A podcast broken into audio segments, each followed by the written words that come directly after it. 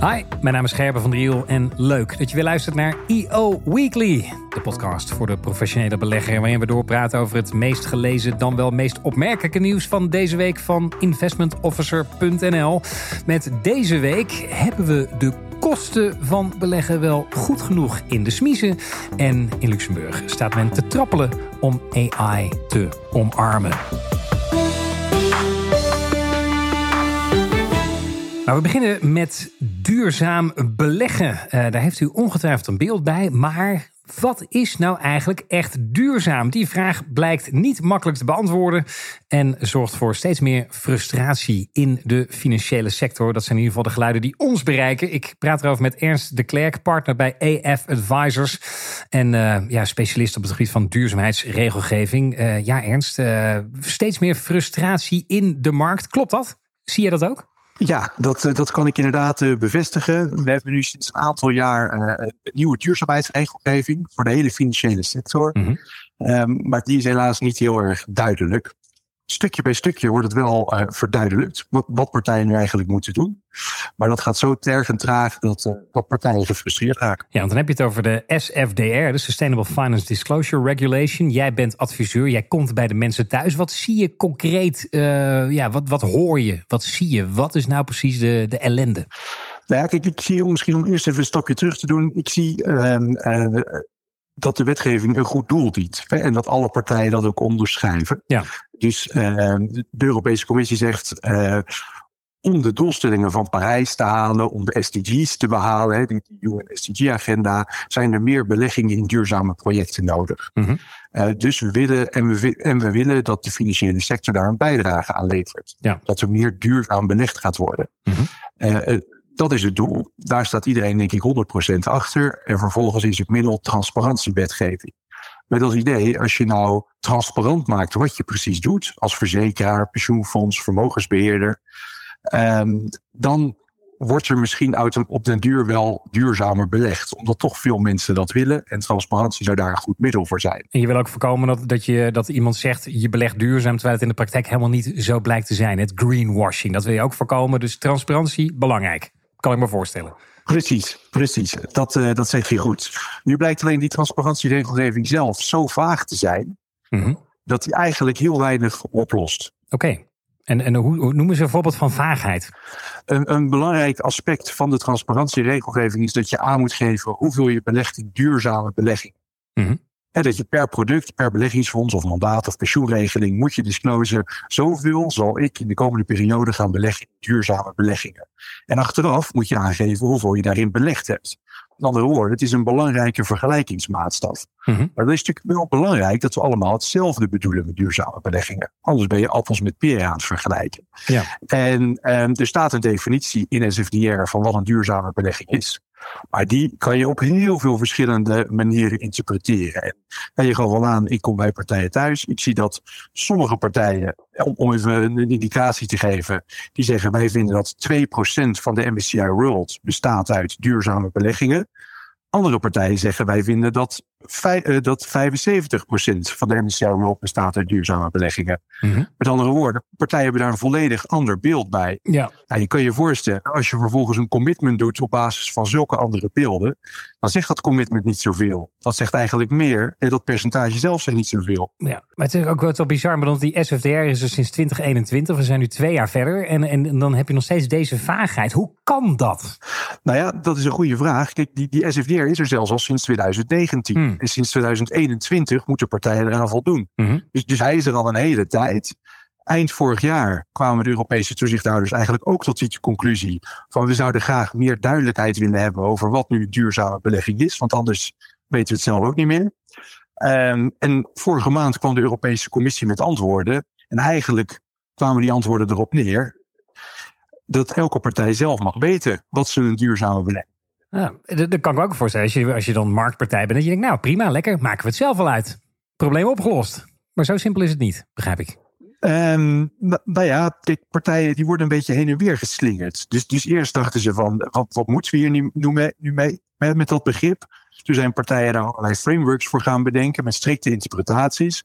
Nu blijkt inderdaad dat dat eigenlijk veel minder strikt is dan ze misschien zelf hadden bedacht. Of dat ze in ieder geval meer ruimte hebben om er een eigen interpretatie aan te geven. Dus nu zouden ze weer terug kunnen. Maar hun eerste keuzes hebben ze natuurlijk al gemaakt. Ja, ja, precies. En ik kan ook, want het is natuurlijk wel een ding. Want eh, eh, ik hoor ook heel veel dat ook voor bijvoorbeeld vermogensbeheerders hè, compliance zijn. Dat gaat heel veel tijd, heel veel geld, heel veel energie in, kost, eh, in zitten. en, je wilt natuurlijk ook compliance zijn. Want als je het niet bent, dan krijg je een tik op de vingers. en en ik, tegelijkertijd hoor ik van jou op dit dossier bijvoorbeeld. Ja, eerst dachten we, we moeten heel strikt. En nu hoeft het dan weer niet. ja, welke keuze maak je als ondernemer? Wat is wijsheid? Waar moet je gaan zitten? Dat is denk ik voor iedereen de grote vraag, of niet?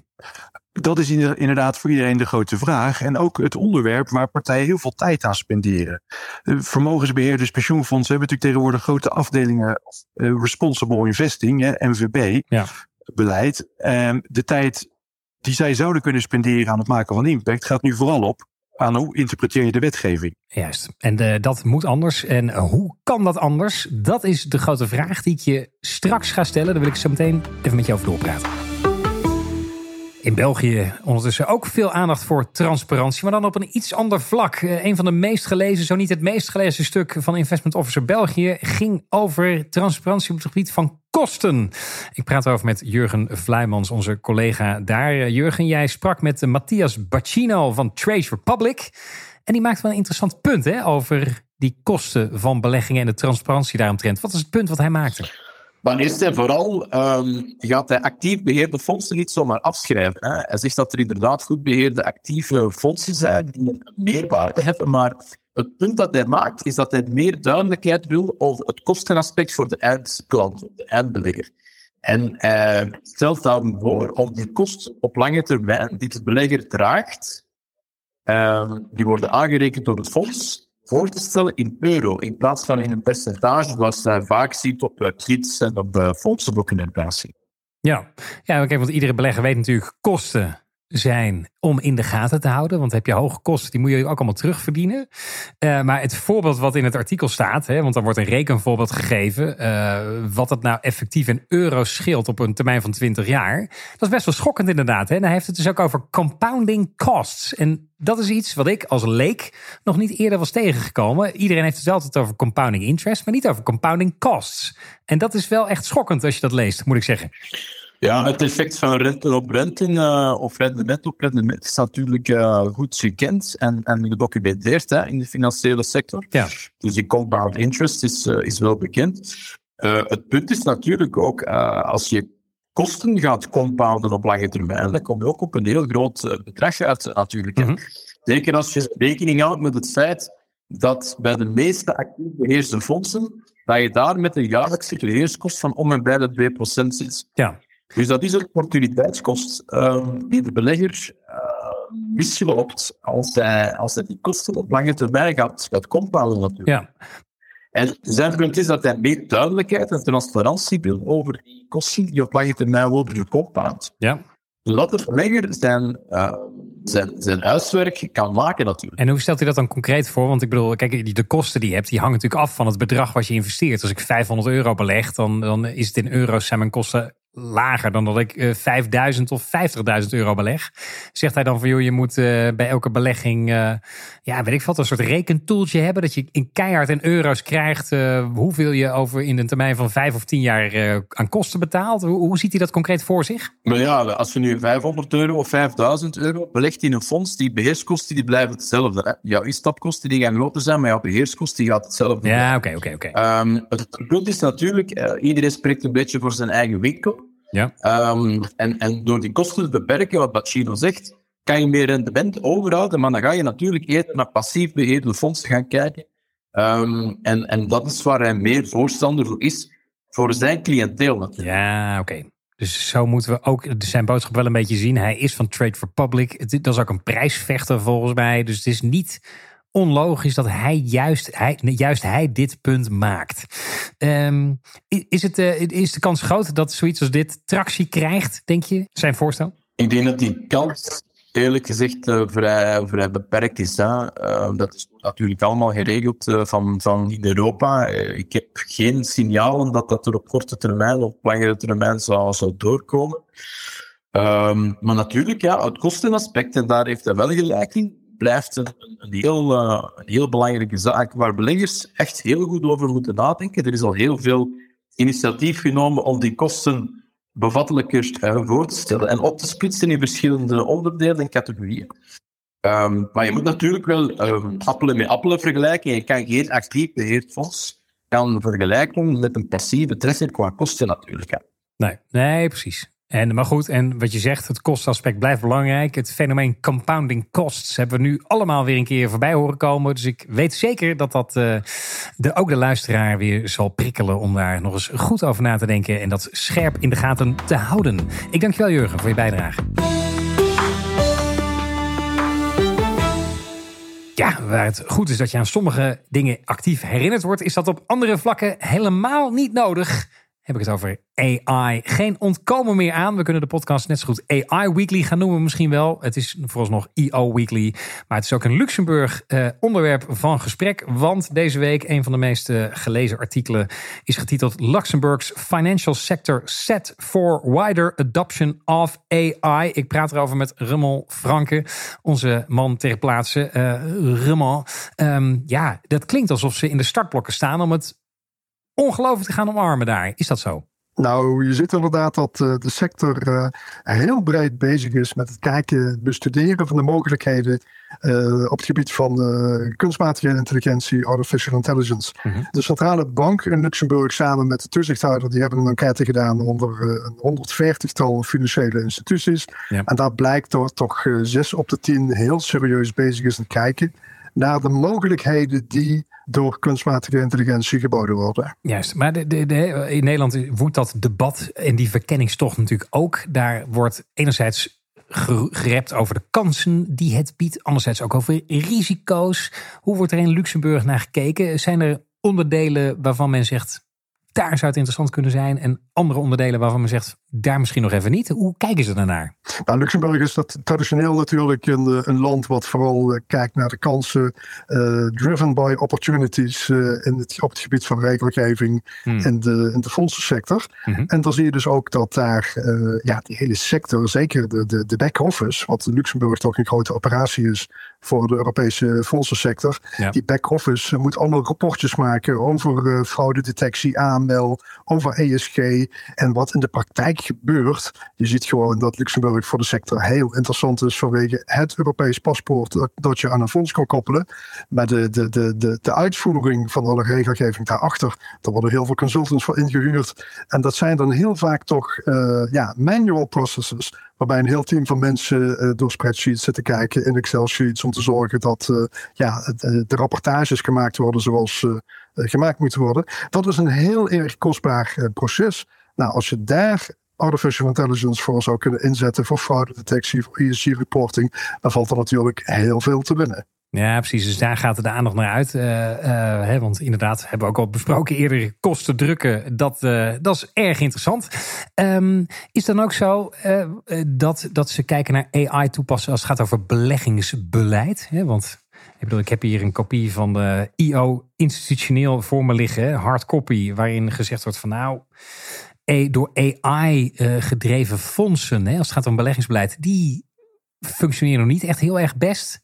Dus of, of, of in ieder geval verslaan niet de benchmark, laat ik het zo zeggen. Uh, uh, dus betekent dat ook dat ze in Luxemburg daar niet 1, 2, 3 naar kijken? Of kijken ze toch wel een beetje ook naar nou, daar wordt toch ook wel naar gekeken hmm. hoor. En je ziet dan toch, uh, vooral waar het dan uh, eindelijk, op eindelijk op uitkomt, is wat voor rol gaat uh, de menselijke intelligentie spelen en de toepassing van, van kunstmatige intelligentie. Ja, precies. En als je het dan hebt bijvoorbeeld over beleggingsbeleid, je kan ChatGTP wel vragen, maak mij een portfolio met de best performing uh, ETF's of de, de best performing uh, aandelen. Uh, daar kan natuurlijk een heel leuk rippertje uitkomen, maar dat is natuurlijk altijd gebaseerd op het verleden. En wat dus ook blijkt uit die enquête die de, de Luxemburgse toezichthouders uh, gehouden hebben, is dat de consensus uh, in, in de financiële sector er toch nogal is dat je AI niet onafhankelijk op zijn eentje dingen kan laten doen. Hm. Er moet er altijd nog een menselijke component zijn als het uh, voor wat betreft het maken van de beslissingen. Dat is overigens ook iets waar de Europese toezichthouder zich ernstig zorgen over maakt. Die hebben een aantal weken geleden hier ook wat, wat, wat, wat, wat balletjes over opgegooid. En ze zien ook dat er eigenlijk ja, nul transparantie is op het gebied van wat de sector ermee doet. Mhm. Voor toezichthouders is dit een, een, een erg grote black box. En ze zeggen ja, de effecten op het risicomanagement binnen financiële bedrijven van kunstmatige intelligentie, ja, dat moet natuurlijk nog veel en veel duidelijker worden. Dat is op dit moment echt nog onduidelijk. Ja, precies. Dus, dus toezichthouders zijn uh, die zijn gealarmeerd en, en, en zullen ernaar streven om die duidelijkheid te krijgen. En misschien ook gebieden dat je dus met mate AI inzet. Kan ik me voorstellen? Is dat zo? Niet? Ja, nou, ik denk dat je een duidelijk onderscheid kan maken over hoe dat in de financiële sector, zeker in Luxemburg, wordt ingezet. Je hebt natuurlijk uh, de, de, de, de keuze van beleggingsstrategieën. Dat is niet zozeer waar, uh, wat, waar AI in uh, Luxemburg een rol in speelt. In Luxemburg heb je het vooral over de, de uitvoering en de rapportages, uh, klanteninformatie, cybersecurity, machine learning, fraudedetectie en ook ESG-reporting. Het, het, het, vervangen van zo'n arbeidsintensief reportingproces door kunstmatige intelligentie, dat is iets wat relatief eenvoudig te doen is en voor Luxemburg wel heel duidelijk iets mee kan winnen. De discussie over de echte beleggingsstrategieën en de, in de handen van AI. Ja, dat is natuurlijk iets wat veel breder gaat dan Luxemburg. Ja, precies. En, en, en goed, en daarvoor is de huidige consensus nog van nou, de mensen moeten daar nog over waken. De mens weet het nog beter. Ik vraag me af hoe lang nog, maar dat gaan we meemaken. Uh, het is in ieder geval zo dat de... Dat is een discussie voor later, ja. ja. Precies. En uh, eh, EO Weekly blijven we in ieder geval met mensen maken. Dat uh, kunt u, daar kunt u van op aan.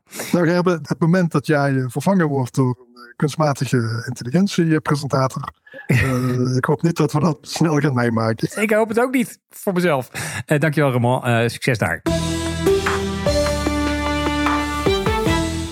Eerder deze uitzending sprak ik met Ernst de Klerk, partner bij EF Advisors, een specialist op het gebied van duurzaamheidsregelgeving, over ja, die moeilijkheid van duurzaam beleggen. Je moet erover rapporteren, maar wat is nou precies duurzaam? Daar is heel veel onduidelijkheid over en tegelijkertijd wordt er wel heel veel tijd en energie aan besteed aan het interpreteren daarvan, ook voor vermogensbeheerders.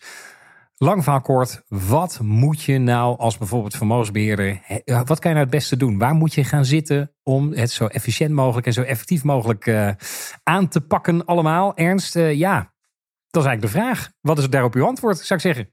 Nou ja, en dat is inderdaad geen makkelijke vraag, uh. Ik, ik denk misschien nog, om weer een stapje terug te doen, SFDR begon met wat mensen dachten dat een labelingregime was. Hmm. Dat je drie type producten had. Ja. Um, artikel 8, artikel 9 en, en overige producten, ook wel genoemd artikel 6 producten. En men interpreteert dat een beetje als grijze, de overige producten, lichtgroene, artikel 8, donkergroen, artikel 9. Mhm. En zo zou je een natuurlijke driedeling krijgen in producten. Sommige heel erg duurzaam, andere een beetje duurzaam en andere helemaal niet duurzaam. Mm -hmm. uh, toen SFDR uitkwam, was dat de eerste gedachte die veel marktpartijen hadden. En zo zijn ze er ook mee omgegaan. Met als doel natuurlijk om, om ook best wel wat artikel 8 en 9 producten op het schap te krijgen. Ja. Maar wat bleek al snel bij de eerste uitleg van, van de Europese toezichthouders en van de Europese Commissie, dat die artikel 8 klassificatie eigenlijk helemaal geen label was. De, en het is geen label omdat er geen of nauwelijks uh, minimum vereisten zijn. Dus elk product, nagenoeg elk product kan klassificeren als artikel 8.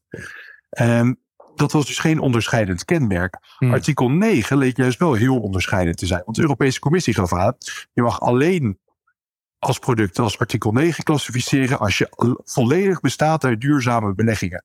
Dat leek heel veel partijen een hele hoge drempel. Daarom zag je best wel wat herklassificaties. Dat waren moeilijke beslissingen. Producten die van artikel 9 naar artikel 8 gingen, omdat ze zeiden van ja, deze producten beleggen niet uitsluitend in duurzame beleggingen.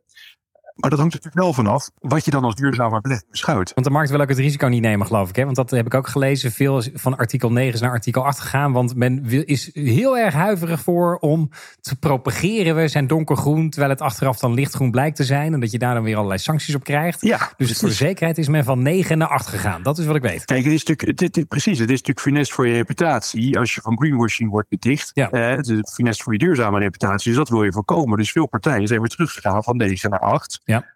En nu blijkt dus weer dat, dat die duurzame definitie dus helemaal niet zo strikt is. Hmm. Dus dat maakt het ook weer een stuk makkelijker om, om, om toch volledig te bestaan uit duurzame beleggingen. Waardoor je misschien weer wat klassificaties terug kunt verwachten van 8 naar 9. En nou, dat kost veel tijd.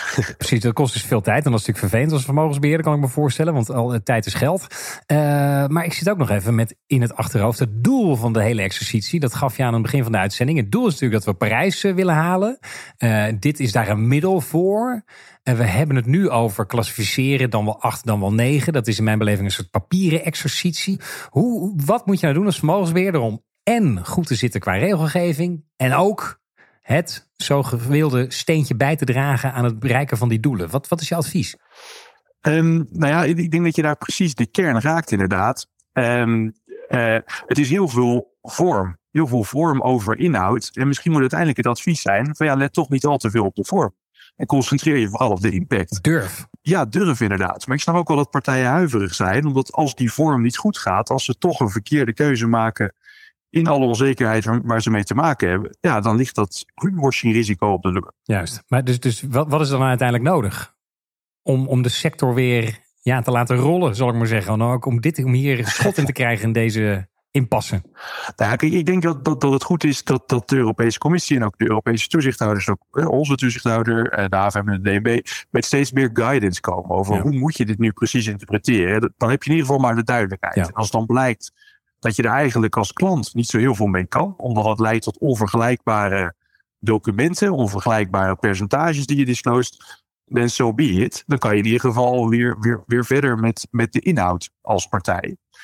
Uh, en ik denk dat veel partijen dit ook in het begin zagen, en zo zag ik het zelf ook, het ook, als onderwerp waarmee je echt wat, wat strategische impact kan maken, waar je, waar, waar je het verschil op kan maken. Ja, moet je misschien die houding een beetje laten varen. Oké, maar ik zit ook concreet te denken. Ik kan me ook voorstellen dat nu mensen luisteren en zeggen: ja, ik overweeg, moet ik nou mensen aan gaan nemen om dat duurzaamheidsrapportageafdeling om die te versterken? Of moet ik misschien toch maar even wachten met investeren totdat er echt duidelijk is uh, hoe het nou precies zit? Nou ja, ik denk wel dat je, eh, je ontkomt er niet aan om die duurzaamheidsrapportages wel gewoon op te leveren. Want ondanks alle onduidelijkheden, de, de deadline staan. Straks per, per 30 juni uh, komt er weer een grote rapportageverplichting aan voor veel partijen. En dat loopt gewoon door. Ja. Dus daar kan je haast niet mee wachten. Nee. Maar goed, wat je wel kan doen is, uh, nou wat ik van jou begrijp, durf. Uh, de, in de tussentijd moeten we hopen dat DNB in de, in de Europese Unie of Commissie of wat dan ook met die guidance komen.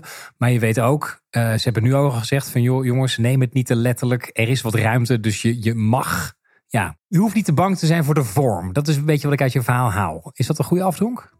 Ja, ik denk dat, dat je dat kan zeggen. En ik hoop, ik hoop ook dat toezichthouders daar, daar coulant mee zullen zijn. Maar ik denk inderdaad dat, dat uiteindelijk dat doel van de Europese Commissie, het behalen van Parijs, het behalen van de UNSDG-agenda, bovenaan moet staan. Check. Uh, daar gaan we voor. En we zijn er ongetwijfeld nog niet over uitgepraat. Maar voor nu dank ik je voor je toelichting. Ernst de Klerk, partner bij AF Advisors, specialist op het gebied van duurzaamheidsregelgeving. Tot zover deze EO Weekly. Hou natuurlijk investmentofficer.nl in de gaten voor het laatste nieuws op het gebied van beleggen en vermogensbeheer. En dan spreken wij elkaar volgende week weer. Deze podcast is mede mogelijk gemaakt door State Street Spider ETF's, aanbieder van de meest liquide ETF ter wereld. Let op, beleggen is onderhevig aan risico's en kosten. In het verleden behaalde resultaten bieden geen garantie voor de toekomst. Lees altijd de essentiële beleggersinformatie. Ga voor meer informatie naar ssga.com forward slash ETF's.